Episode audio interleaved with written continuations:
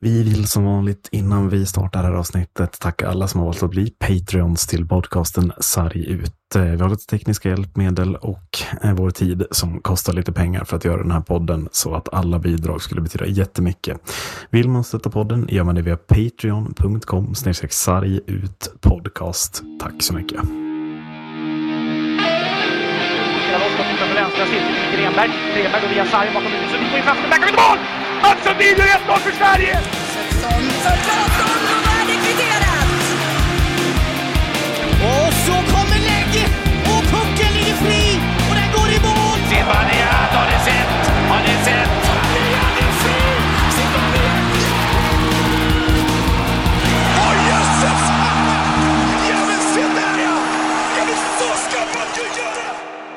Efter eh, oväntat och ovanligt teknikstrul, Marcus, så startar vi igång den här inspelningen av vad vi tror blir en ganska lång podcast, en halvtimme senare än vad vi hade tänkt att starta den. Mm.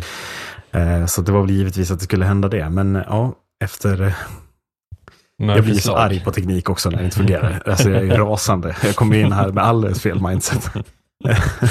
också när man behöver guida dig via text. Det är Oh, fantastiskt. Fan, ja, det är ju tur att du existerar. För de, eh, utan dig skulle, alltså jag skulle ju klara av att spela in podden, men all klippning och all teknik skulle ju gå åt helvete. Det skulle vara en så dålig podd om jag gjorde den här själv. Eh, men du, Ja. vi går istället på kanske en av de mest positiva hockeynyheterna som har kommit till oss, alltså på väldigt, väldigt länge, eh, Mm. tycker jag, när det i veckan stod klart att vi OS 2026 kommer att få se NHL-spelarna i turneringen. Eh, gåshuden var väl total när beskedet kom. Alltså jag kan inte minnas jag fick sån total gåshud av ett, bara ett besked om hockeyn. Alltså Nej, herregud. precis. Alltså det kändes ju som att det kom lite som blixt, alltså från blixt, Från klar ja, som en himmel. blixt från klar himmel. på, på något sätt. Alltså det kändes lite som att så här, man, man satt inte riktigt och väntade på det heller, Nej, utan det kändes nej. så jäkla långt bort. Hade Eh, man inte riktigt lite gett upp på det? Att man Jo. såg så, man kommer vara 40 år när, när det händer nästa gång liksom. Ja, precis. Så att USA och, och hela NHL sitter och liksom bara, ah, Mm. skitsamma, ingen bryr sig. Eh, men det, uppenbarligen så, jag hoppas väl att det är väl spelarfacket också som har varit i, i farten och alltså det känns ju lite som att jag tror att många av de här spelarna, även om de brinner för att spela sina NHL-lag, alltså det måtte inte finnas någon form av liksom så här, glädje i att för en gångs skull få representera sitt land och spela mot de bästa spelarna. Ja, men jag tror framförallt att det är de europeiska spelarna som trycker på mycket. Alltså finnarna, Mm. svenskarna, tjeckerna, eh, ryssarna får vi väl se vad som sker. Mm. Men, men att det är de som trycker på alltså väldigt hårt för att representera. sig. I och med att det, med alla tidsskillnader så blir det ju inte jättemånga som följer dem kontinuerligt i NHL. Liksom. Mm, precis. Nej, så det, det kommer att vara äntligen tillbaks till de gamla goda OS-tiderna där vi Ja. får se våra bästa stjärnor tävla i om det, den kanske mest ärofyllda priset som finns Mm. också. Eh, så att, äh, det, det ska bli otroligt, otroligt roligt eh, att se det här.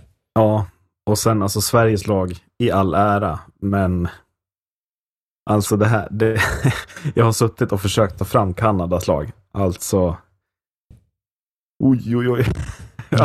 Oj, oj, oj, oj, oj.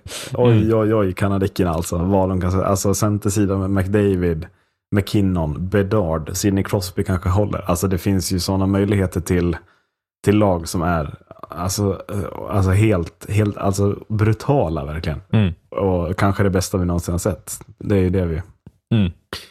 någonstans Ja, eftersträvar. och- Jag tycker att det är magiskt.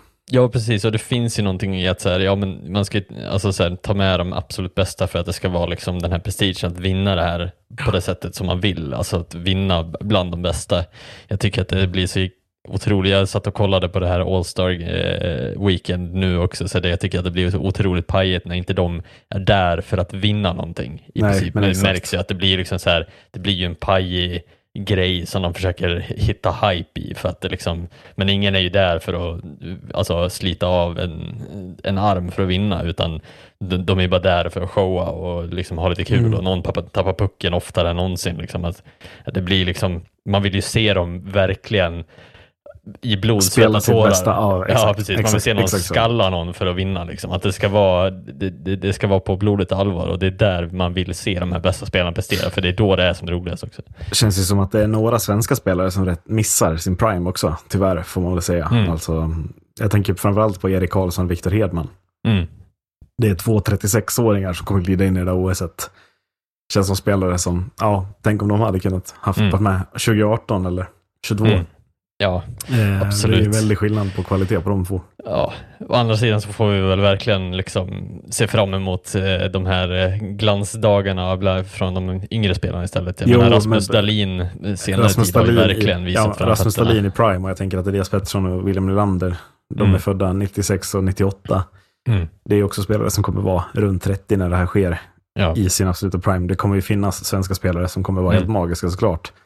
Men frågan är om vi inte hade haft ett bättre lag om det hade varit OS i år än om det Ja. är OS om två år. Det är mest det jag vill komma till. Ja, jo, Sen kommer ju absolut. Sverige vara en utmanare Absolut. såklart till, till de andra lagen. Men, Ja. men, att, Det- men jag tänker att vi behöver inte säga så mycket mer än bara kon- Alltså det- konstatera. Du har Det något. vi kan säga, det vi ska säga rättare sagt, är väl också att det kommer att ske en turnering nästa säsong också. Mm. Eh, i, I och med att NHL också har infört att World Cup kommer då att spelas parallellt, alltså Mm. två års eh, mellan, eh, hand, säger man väl, eh, mellan OS och då kommer det alltså vara en World Cup-turnering vart, vartannat år och sen OS vartannat år. Vilket också är en jäkla stor nyhet, skulle jag säga. Och då kommer det också bli en sån här fyra nationsturnering nästa säsong. Eh, där vi får möjlighet att kanske få se det här laget som vi, vi eh, Ja, har som prime i år. Sen blir det liksom. inte, sen blir det inte riktigt lika som OS Nej. ändå. Alltså OS blir ju något. Alltså det blir ju kul att se liksom. Jag minns, alltså det finns ju många lag som blir betydligt bättre. Som får drömma lite. så Jag vet inte, alltså typ Slovakerna Mm. och så vidare får ju ett mycket bättre lag med NHL-spelare. Än, Mm. än, ja. Men att det är klart World Cup, det behövs ju en, en nationell turnering där de allra bästa är med. Det har ju saknats i hockeyvärlden, upplever Ja, jag. JVM har ju fått all den här hypen för att det här saknas kan jag tycka lite. Mm. Sen blir det väl otroligt intressant hur vanliga VM ska behålla sin hype däremellan. Som Den som är så himla stor hamnar- redan. Ja, den, som, den som hamnar någonstans i kläm. Tror du det är Eh. många som, e- efter OS har gått i så februari, tror du det är många som känner, ja men jag åker igen eh, efter säsongen slut? Jag åker och kollar på Carl Klingberg som spelar i VM istället för Viktor Hedman och Elias Pettersson. Ja, nej, Ja, nej, mm. men eh, ja, nej, ty- tyvärr så kommer den hamna lite undanskymd tror jag. ja, men det, det gör det väl redan. Alltså VM är Ja. ju fortfarande, ja, Lettland och Tyskland är långt fram. Mm. Dit kommer, ja, det, blir, det blir redan dåligt och det kommer bli ännu sämre med det här, men det får, den smällen får VM ta. Mm. Så att vi får det här kan jag tänker att vi fortsätter på det positiva spåret på något sätt. Att ehm, vi har två rekordmän i svensk hockey. Två spelare som har varit med Mm. väldigt länge och på en väldigt hög nivå. Eh, ska vi börja i SHL där Joel Lassinantti alltså slår rekordet som flest hållna nollor någonsin i grundserien i SHLs historia. Mm. Eh, ja, men hur högt håller man Lassinantti? Han börjar väl trilla in där. Mm. Topp 10 målvakter någonsin i SHL. Det kanske är mycket Ja, att säga, men jag tycker det alltså.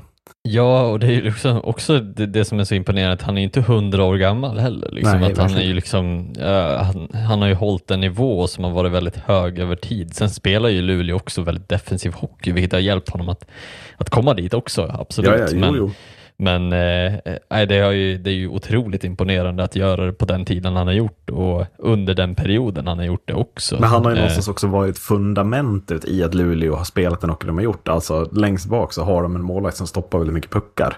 mm, Och man, alltså, man har ju levt mycket på det tillsammans med att man har stärkt försvaret kontinuerligt. Att det har Mm. gjort dem till ett många gånger väldigt titelutmanande lag.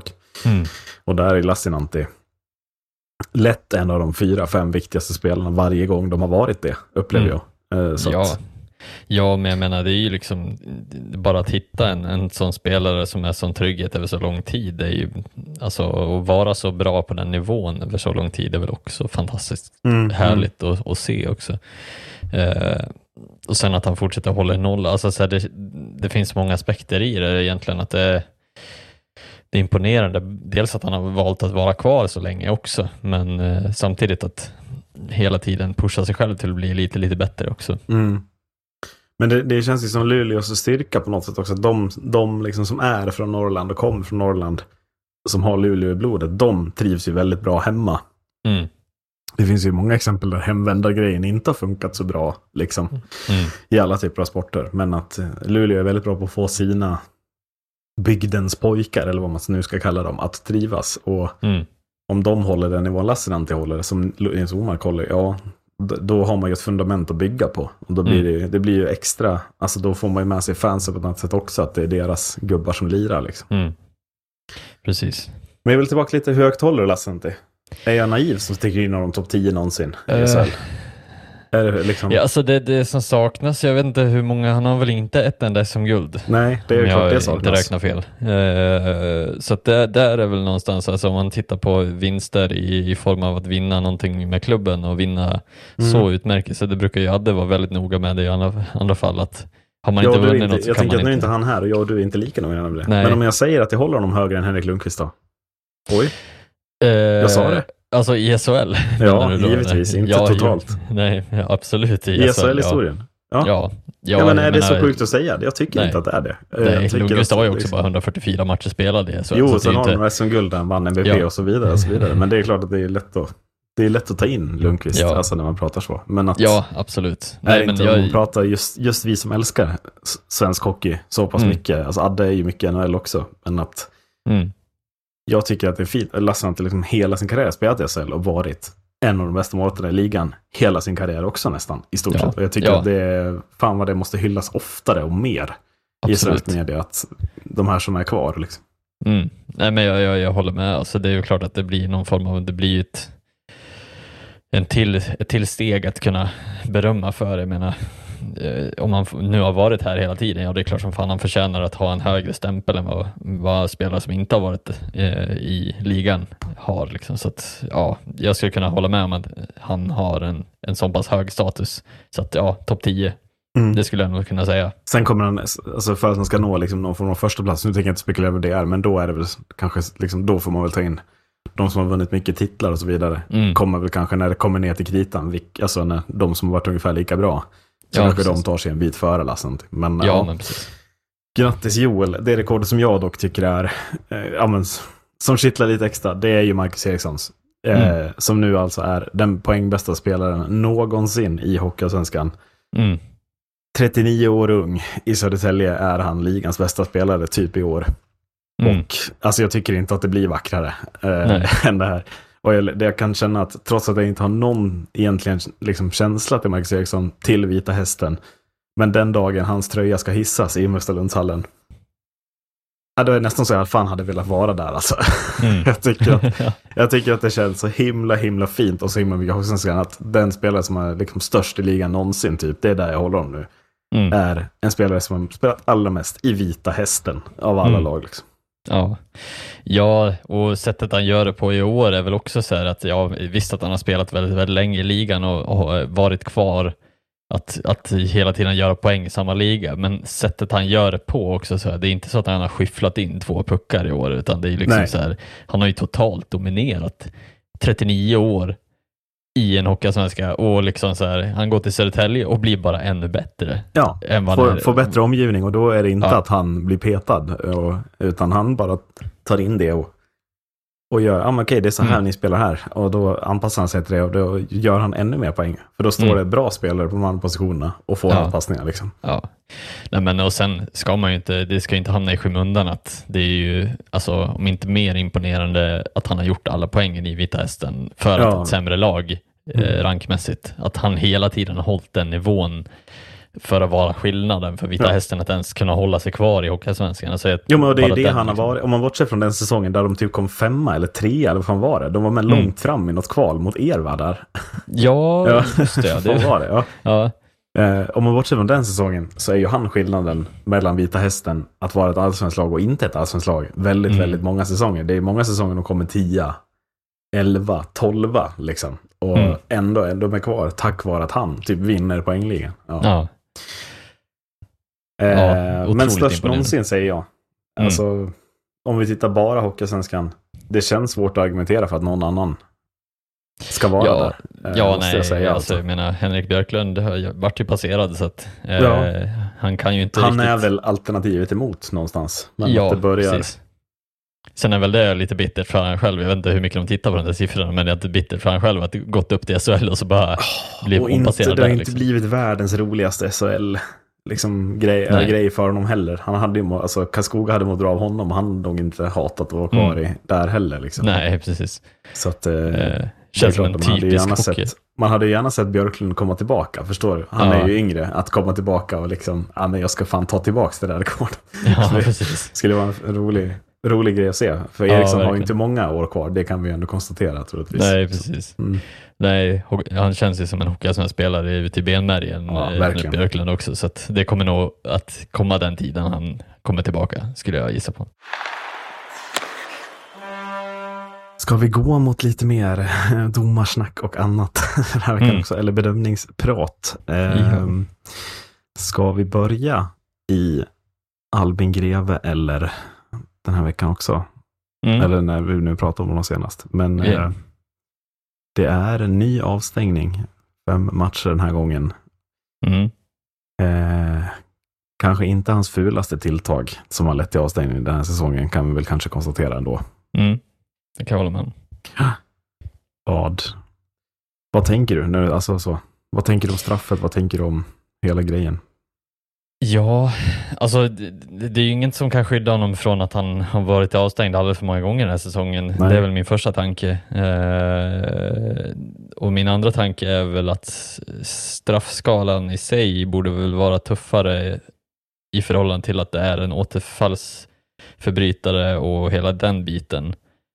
Eh, situationen som sker nu är väl tuff att den blir fem matcher bara, alltså så här, ensamt. Nu förstod jag som att det inte var det på grund Nej. av själva tacklingen i sig. Och Alltså, det jag jag förstod det som att typ fyra av de här matcherna är liksom återförbrytarmatcher. Så att hade de tyckt att det var fem matcher för alltså tacklingen så hade det blivit nio matcher. Alltså förstår du vad jag menar? Mm, Eh, Så att de verkar inte bedöma mer än att tacklingen ändå är typ en match avstängning.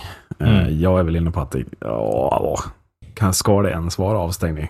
Mm, Eh, Sen är det väl just, det blir väl just konst, alltså när det blir Greve som gör den, det kanske ska vara matchstraff i matchen, men det är ju svårt då att kanske inte anmäla honom, ge han Mm. en match och sen fylla på med de här återförbrytarmatcherna. mm. Ja, jag vet inte vad, ska vi gå in på vad KG Stoppel sa? Han, ja. Han pratade om det här. Ehm, han säger ju att han tycker att det är mobbning, va?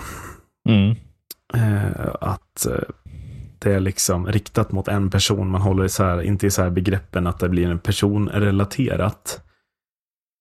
Jag kan väl hålla med Stoppel i den analysen kanske. Att ja, det kanske blir matcher för att Greve är den som utdelar tacklingen.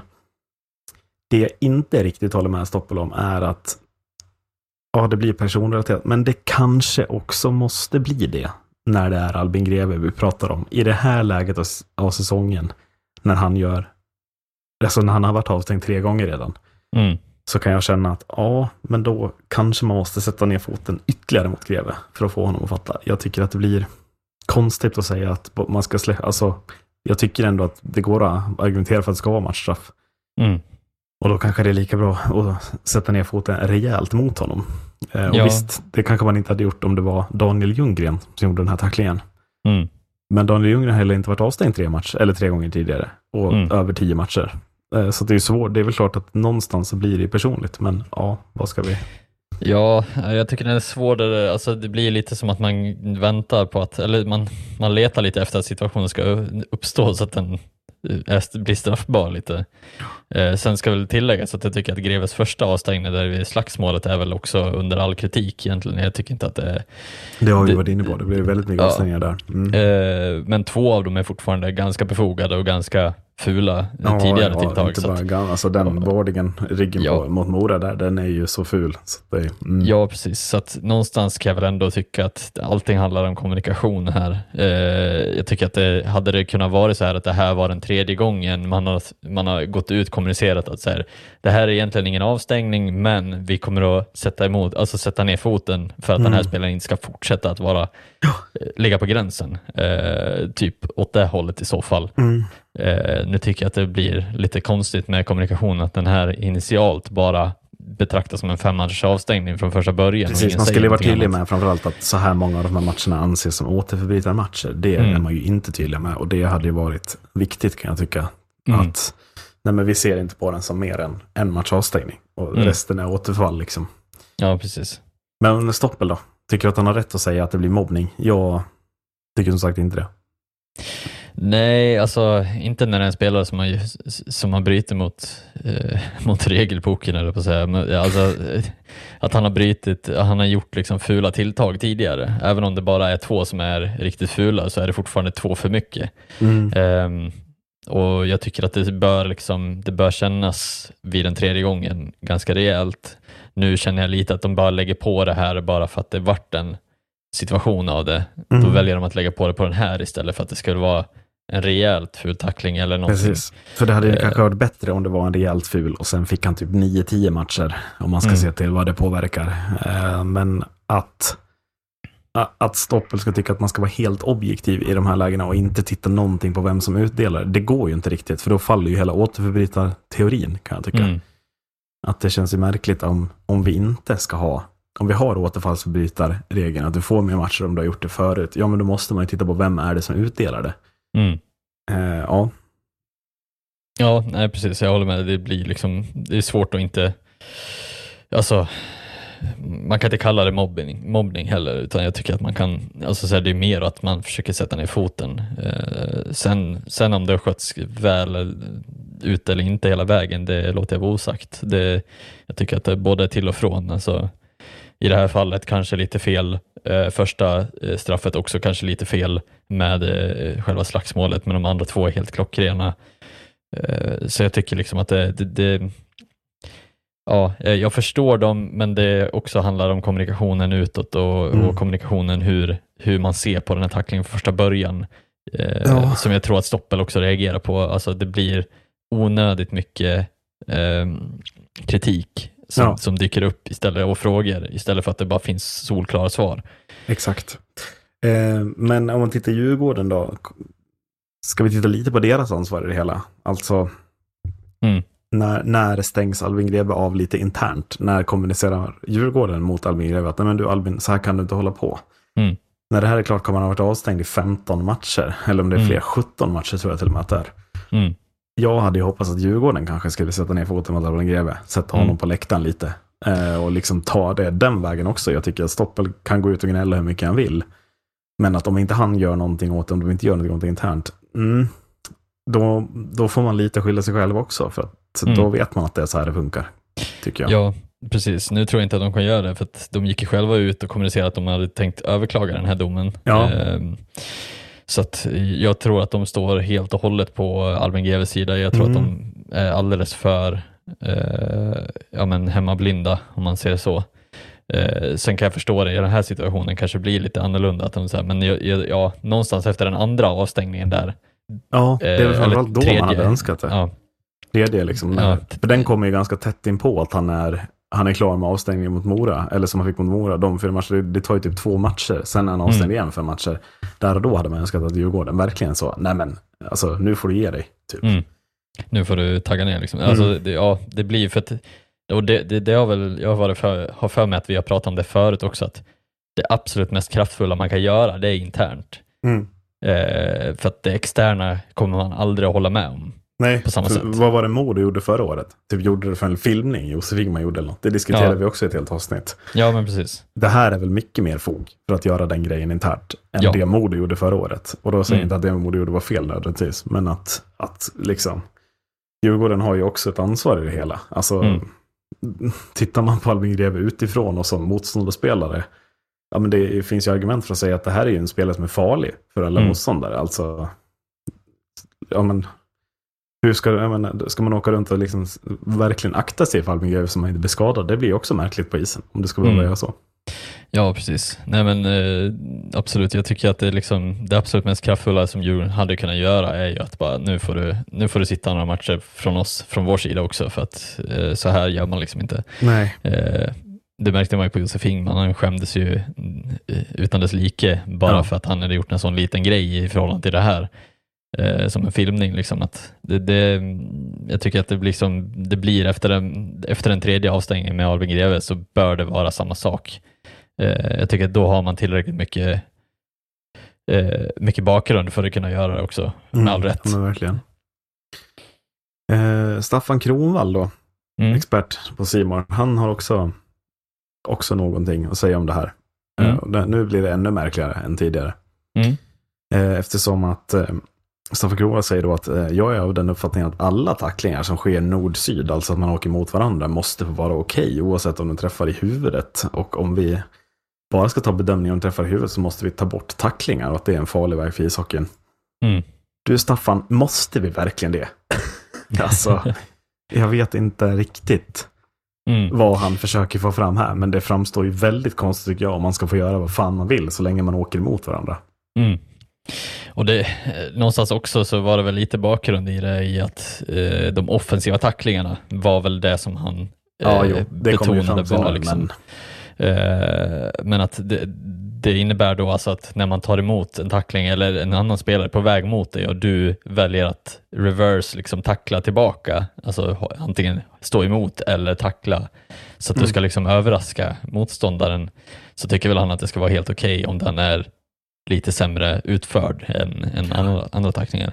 ja, Alltså, jag tycker väl lite så att det finns det är klart att man inte kan lägga ansvaret på en spelare, så det, det håller jag med om. Att han, eh, han liksom betonade att jag tycker inte att en spelare ska liksom behöva, absolut att man ska få ta emot tacklingen på det sättet så, men det blir ju lite pajigt om det alltså ska vara helt regellöst när en spelare tar emot en tackling. Ja, alltså, nej, du men- måste ju kunna se på den vad det, vad det är, för vad det är. Liksom. jag kan köpa Staffan Kronvalls tanke om att vi måste ha mindre avstängningar och mindre utvisningar om en tackling tar i bröstet och sen åker upp lite i huvudet. Det har vi ju Mm. pratat om. Ja. Men så som man lägger fram det Mm. är ju, alltså då är det som att, ja men det, det står någonting också om, om det är den som har skrivit artikeln, någon på Hockey Sverige, Mm. att är det rätt väg att gå att allt ansvar enbart ligger på en av spelarna i tacklingssituationen? Men det här har vi pratat om hur många gånger som helst. Det stämmer ju inte. Alla tycker ju att ansvaret ligger bara på den som tar emot tacklingen. Det har ju vi varit jättetydliga Mm. med, eller jag var till och med att den diskussionen fattar jag inte alls. Det måste ju vara bådas ansvar. Mm. Och jag tycker att det är jättelätt att se att om någon tittar, eller liksom rakt ner i backen eller är låg med huvudet och en tackling tar i bröstet och sen lite i huvudet, ja, då har jag all rätt att fria. Men om Mm. någon kommer och åker rakt med huvudet högt och någon smäller rakt i huvudet, ja men då, alltså det måste, vi måste det, det går ju att särskilja de här situationerna, framför allt med video- videohjälpmedlen. Mm. Alltså det, det finns ju lösningar på problemet utan att vi ska behöva gå någon väg att allting ligger mottagen. Att du som, som tacklare kan göra vad fan du vill. Det, det här är ju så konstigt så jag blir nästan irriterad alltså. Mm. Ja, nej men alltså, och sen, eh, jag tycker att det blir, alltså det är klart att vi ska liksom, jag tycker mer det ska gå åt att vi ska bedöma de situationerna, att så här, ja men vi ska inte bara titta på vad, vad som är liksom, alltså slutfallet av, av tacklingen.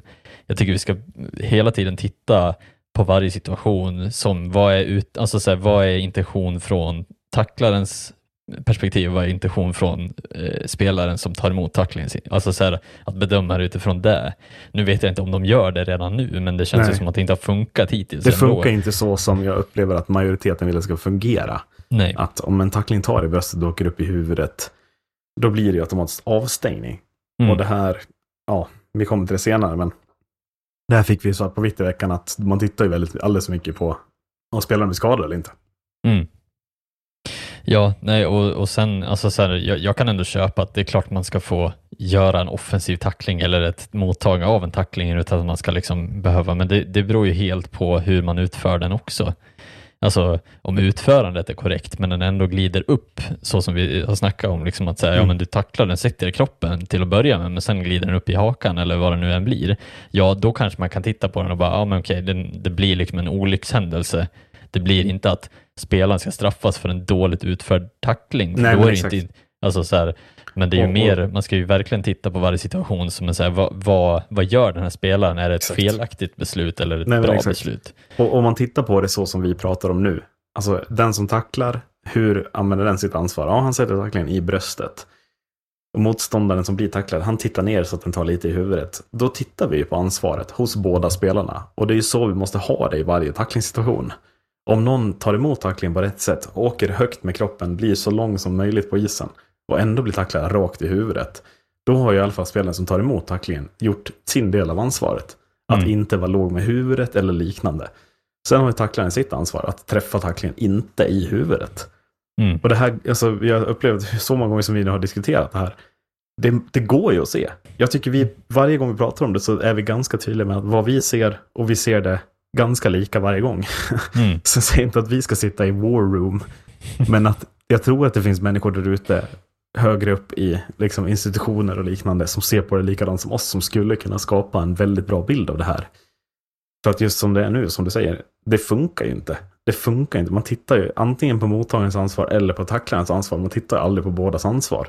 Mm. Och det är ju rakt av problematiskt. Ja, men också så här, eh, alltså det, det, det, är också det som är problemet också med just de här, alltså så här, det rullas i slow motion, det rullas också med att vi har ett eh, mindset som är att vi ska få bort det här.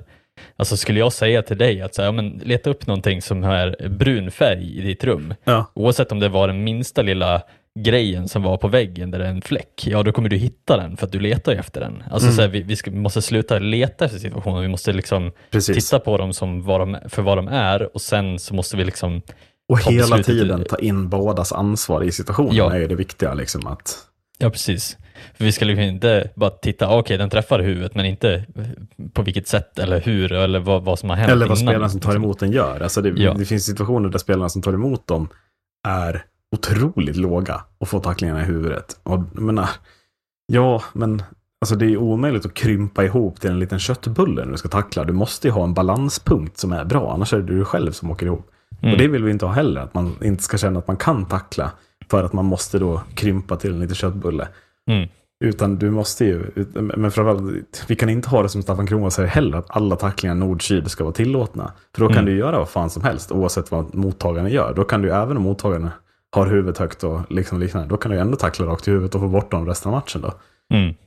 Ja, Ja, nej, så det finns många, många beslut. Även om jag, Mm. alltså jag, jag gillar Staffan Kronwall, jag börjar gilla honom mer och mer. jag med. Jag tycker att han är den bästa Eh, experten i Simor ska jag ja. säga. Men han, det, här tycker jag bara att han har fel. Eller att han inte Ja. får fram det han vill få fram. Eh, Det blir fel liksom. Precis. Och det kan ju alltid bero på, kan ju bero på artikeln också, det vet man ju inte. Ja, men det, är nej, liksom men det, så vet, här, det, det, det, det är känns ju en journalist som har skrivit det. Alltså, Ja. det kan, men ja. Eh, nej, så att eh, någonstans så vill vi väl fortsätta. Liksom, så här, han, han benämner ju många olika de här offensiva tacklingarna som har blivit bestraffade nu på slutet. Liksom, eh, eh, och det, ja, alla kanske inte är bestraffningsbara, men vissa Mm. är det. Alltså, så är det. Jag tycker inte Albin Greve kliver helt liksom, felfritt in i den här heller. Nej, nej, alltså KG Stoppel sa att Peter Forsberg hade varit avstängd hela tiden han spelar. Jag vet inte om KG Stoppel har kollat så mycket på Peter Forsbergs sätt att, att tackla offensivt. Mm. Men han gör det fan bättre än vad Albin Greve gör i den här situationen. Det kan jag fan i alla fall säga. Mm. Att Peter Forsberg är en mästare på det här. Och det är Mm. inte många av hans offensiva tacklingar som bara rakt i huvudet på motståndarna. Så är det bara. Nej.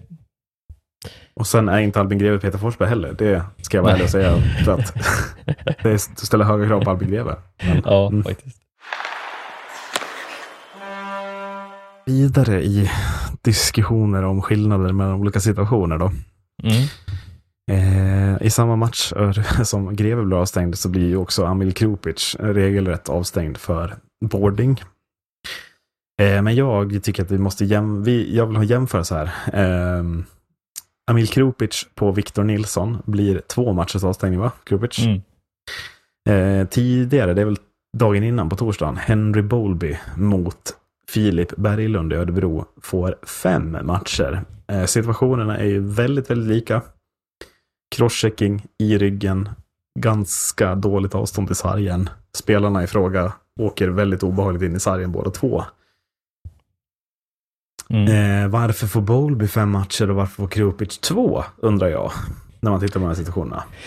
Ja, alltså jag, jag tittade ju på de här också och funderade varför Bolby fick fem överhuvudtaget först. Varför han fick matcha för överhuvudtaget. Började jag titta lite på. Eh, alltså så här, för det blev lite så här, ja absolut att det är liksom ful, alltså det blir ju ett fult, vad säger man? Ja, alltså det blir, det, det blir ett fult tilltag, absolut. Det blir det. Men Bolby har ändå kamp med spelaren innan han kommer fram till sa- sargen. Det är ju en väldigt, väldigt lång kampsituation Ja. Mellan Henry Bolby och Philip Berglund. Som, som slutar i att han blir lite för stark. Som slutar med att Philip Berglund vinner situationen Ja. och Henry Bolby blir lite irriterad. Ja, det köper jag också. Ja, precis. Och sen, ja, trycker ju in honom. Men alltså så här, det blir ju mer så här, ja han ska ju trycka ifrån honom, men ja det blir lite för kraftfullt så och pass med, nära. med crosschecking framförallt Ja. är väl det dumma. Men Ja, precis. Men jag hade ju nästan sett en switch på de här matcherna. Alltså att det var två för Bolby, fem för Krupic. Krupic tackling är enligt mig väldigt, väldigt mycket fulare. För Mm. att där är det ingen kampsituation innan. Victor Nilsson Nej. slår Krupic längs sargen. Mm. Och sen blir Krupic, inte vet jag, irriterad på att han blivit bortdribblad. Mm. Och har ju ingen chans att nå pucken. Ingenting sånt. Och trycker ju bara ja, crosschecking rakt i ryggslutet. Nilsson stenhårt in i sargen. Mm. Och ja, vad är då kärnan till problemet? Jag har hittat den. Äntligen har jag hittat den. Och den kommer via det fantastiska kontot Domarfråga på Twitter. Som alltså, eh, Sanny Lindström gick ut och kritiserade Bowleys avstängning. Såg du det? Nej, det såg jag inte. Nej, det gjorde han i alla fall. Med all rätt tycker jag. Att det var väldigt hårt.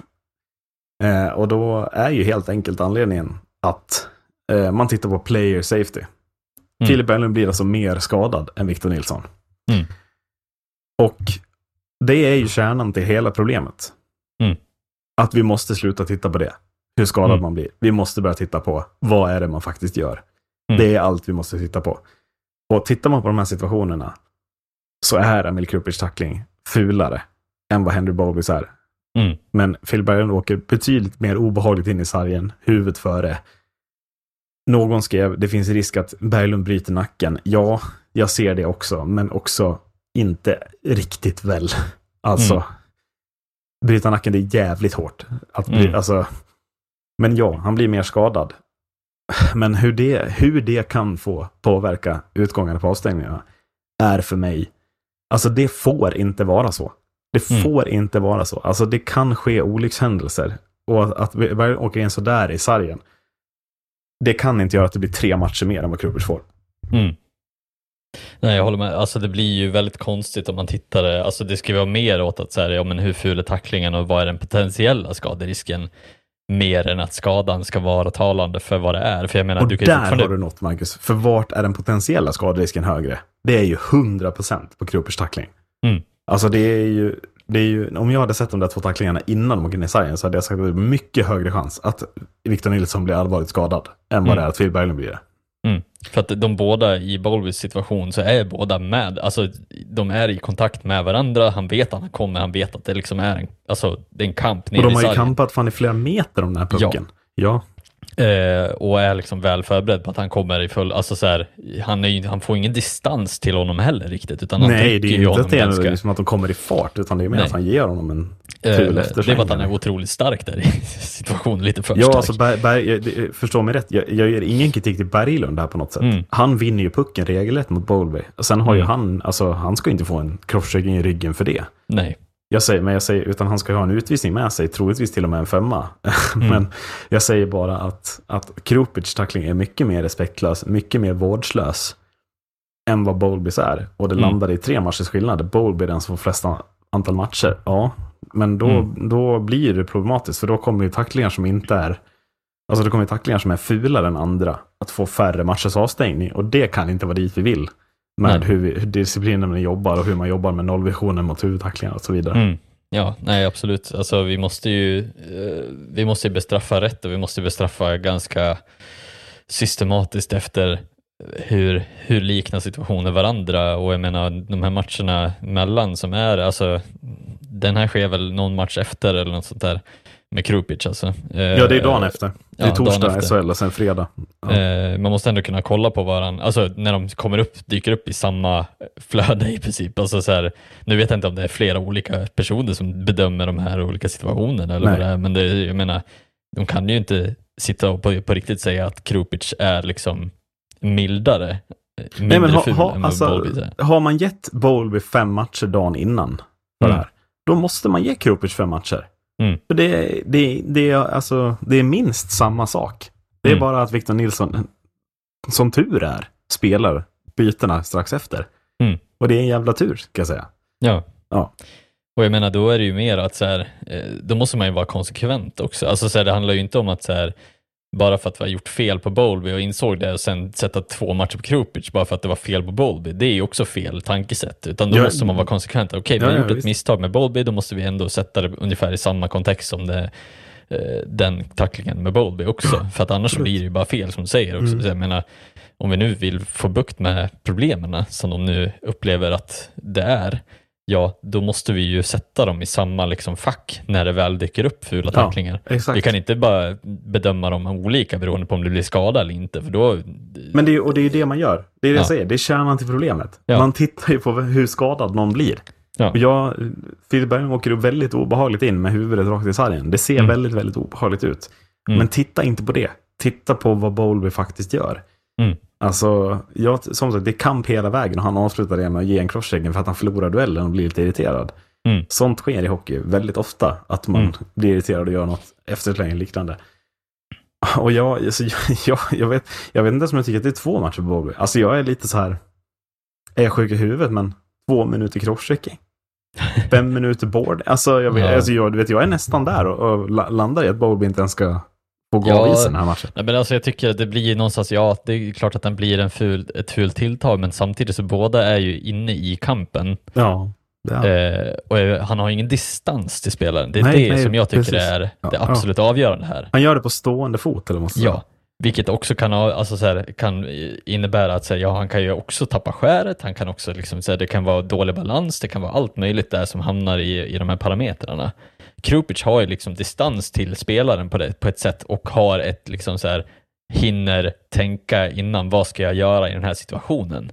Bowlby är ju bara i kamp om pucken liksom. Han, han har ju liksom ingen så här, okej, han har inte tid att tänka, okej, nu kanske jag inte ska alltså, trycka han så här hårt eller nu ska jag inte göra så här utan jag ska bara vinna pucken. Alltså, så här, jag tycker det blir också väldigt avgörande för de här olika situationerna. Ja, precis. Nej, men och sen också en grej som vi måste, om vi bara liksom, måste ta upp, men också så här, man ser något argument att om den här crosschecken hade skett framför mål, hur my- mycket hade det gett då? Mm. Jo, och då hade det ju varit två minuter per tackling. Men det är ju helt irrelevant i, alltså om du gör något mot sargen är ju mycket farligare. Alltså det, Mm. det måste man ju ta in här. Det är mer vårdslöst mot sargen. Är du Mm. framför mål på öppen is, ja då får ju båda två minuter crosschecken troligtvis. Mm. Men att, som du säger, distans, alltså Kropers tar skär in innan han slår den här, gör den här tacklingen. Det är ju inte Bowlby. Mm. Utan allting som är helt avgörande för avstängningarna är ju bara hur skadade spelarna blir. Mm. Vilket ju betyder att om Victor Nilsson hade legat kvar och varit skadad ett tag då, Mm. så hade Kropers fått fler matcher. Eller vad då? Mm. Ja, nej, det blir ju Och hur problematiskt är det? Ja, Om vi nu ska prata om människor som inte gillar filmningar och annat Ja. heller. precis. Mm. Ja, nej, det finns väldigt många problemområden i det. Victor Nilsson ligger kvar, återkommer inte i första perioden, kommer tillbaka Mm. i andra perioden, blir Mm. anmäld för filmning dagen efter. Mm. Ja, 5 precis. 000 i böter. Nej, jag ska inte vara hård. Jag säger bara att det är viktigt att, alltså du har varit inne på det, alltså, de här, om de här inte är i samma fack hos disciplinnämnden, hur ska några tacklingar någon, någon gång kunna sättas i samma fack? Mm. Ja, Förklara nej, för mig.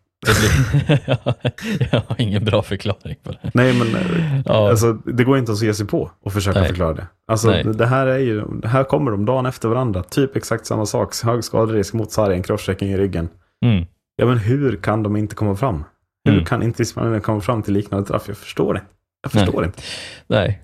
Eh, nej, framförallt inte, alltså så här, åtminstone två matcher på eh, Bowlby eller Mm. fem, alltså så här, antingen två på båda eller fem på båda. Det är Jo, liksom det, det, som ja, är, ja, men det är väl, precis. Om, om man tar fem på Bowlby, det, det är ju klart på fredagen innan de här spelar. Mm. de, då är det bara att ta fem på Krupic. Mm. Alla lämnar bakom sig, ja okej. Mm. Sen får man tycka vad man vill. Men det blir ju så himla, jag blir så himla frustrerad när det här inte blir samma. Ja, För då, ja, jag tappar lite hoppet om hur vi ska kunna komma, alltså, komma fram till något. Men nu har jag hittat kärnan till problemet i alla fall. Och det är att Mm. på players safety.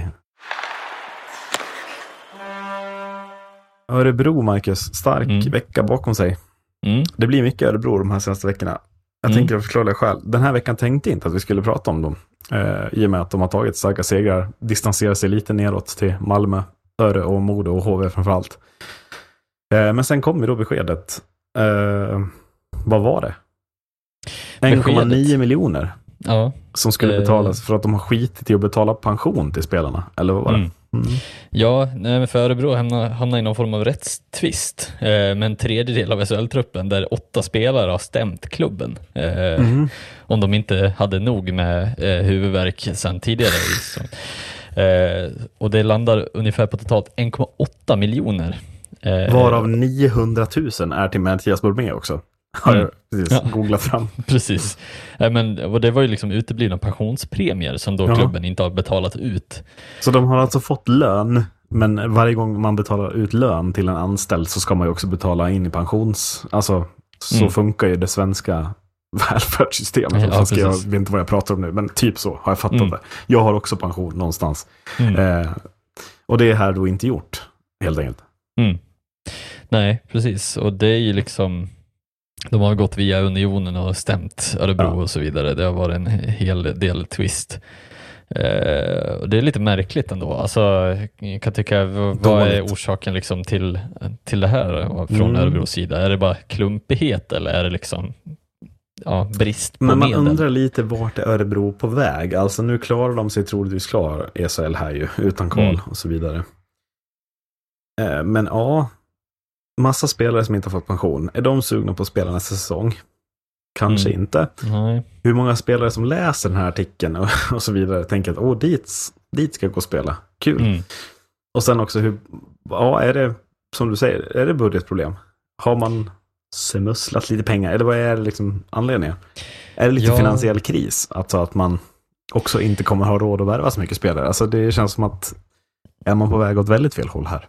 Ja, det är en bra fråga. Jag tror också att alltså det känns ju lite så som jag känner Örebro så har ju det varit en väldigt professionell förening från första början när de klev upp i SHL. Alltså det har varit väldigt klara besked på allting. Organisationsbyggt likt Ja. NHL-ish på något sätt. Mm. Ja, precis. Och det känns liksom väldigt märkligt att man skulle ha missat det här. Eh, Under så lång liksom- tid i alla fall. Alltså Ja. 900 000 i pensionspremier. Ja, precis. Det är ju liksom någon lär reagera på lönekontot Ja, liksom, säga jävlar vad mycket pengar vi har över. Ja. Eh, nej men att det, det, det känns väldigt märkligt och det känns ju lite i linje med Örebros liksom, dåliga svacka och lite sämre värvningar och lite sämre liksom, som helhet. Eh, Trubbighet i truppen får man ju säga. Ja. Alltså man har inte värvat in så mycket spets offensivt ska man inte säga.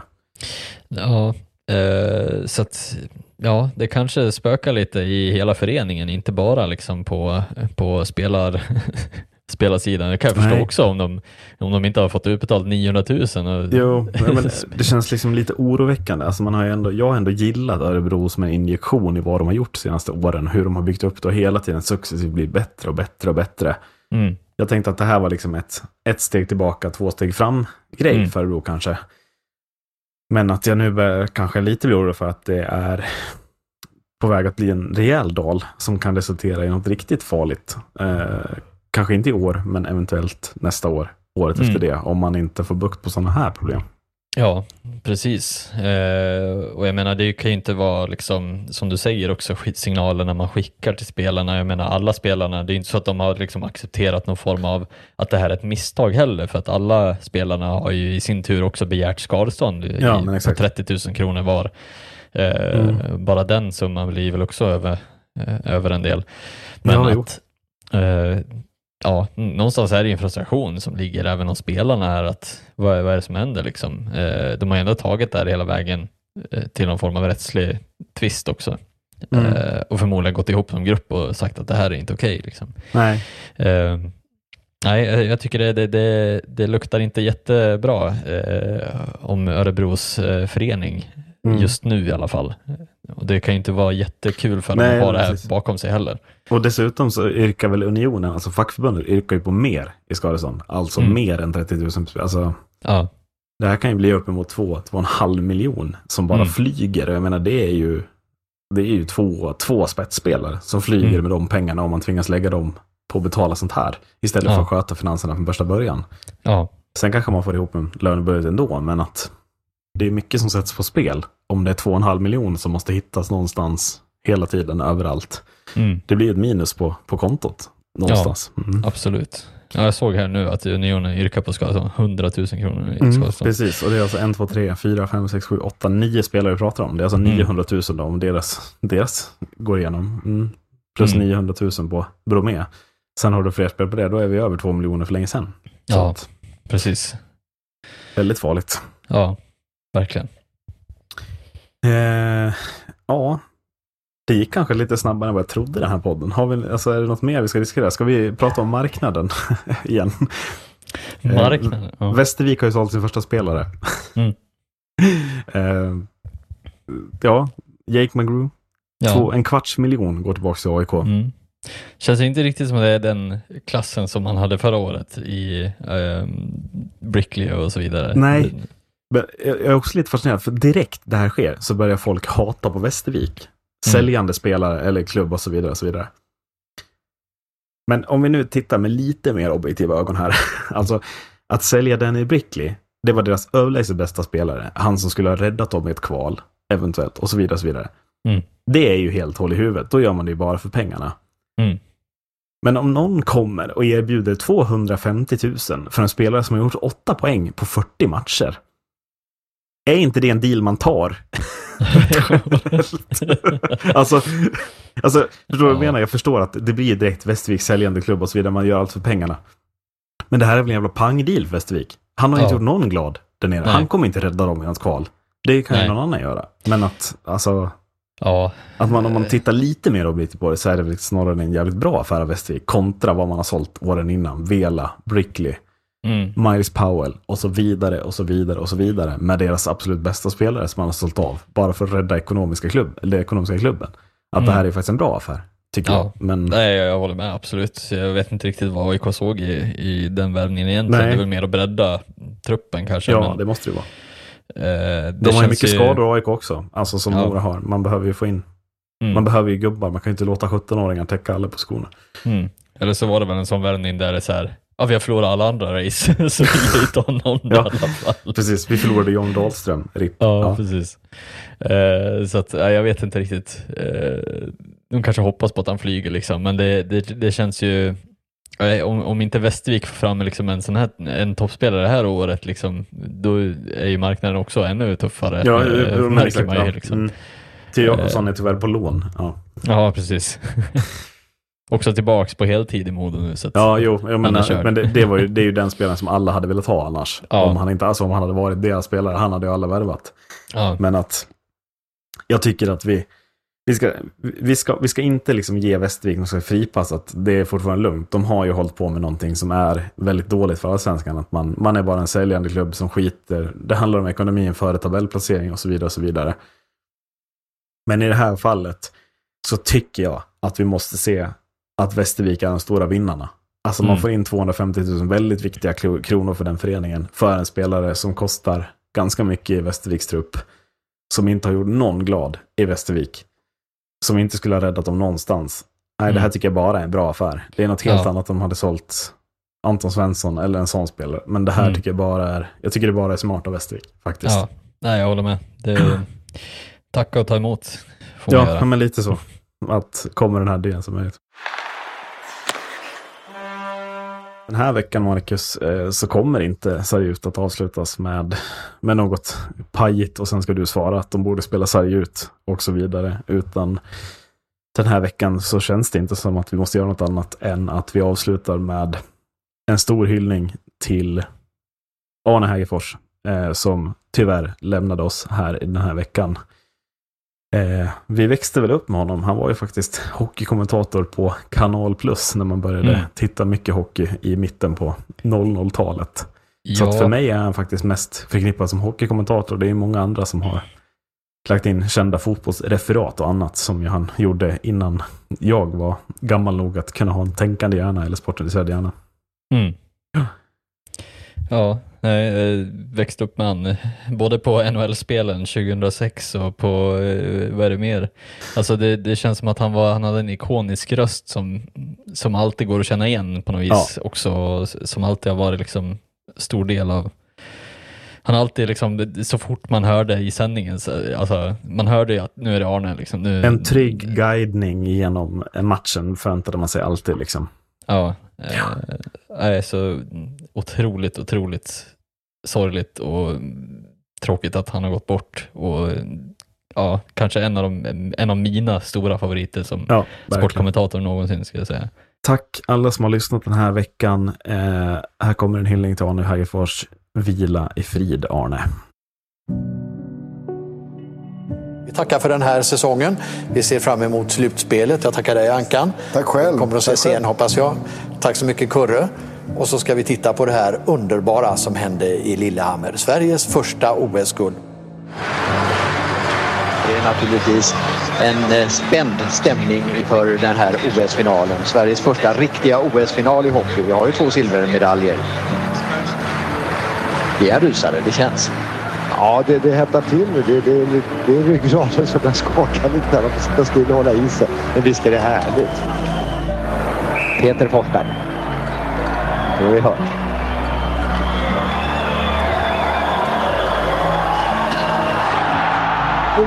Vilken inte klokt!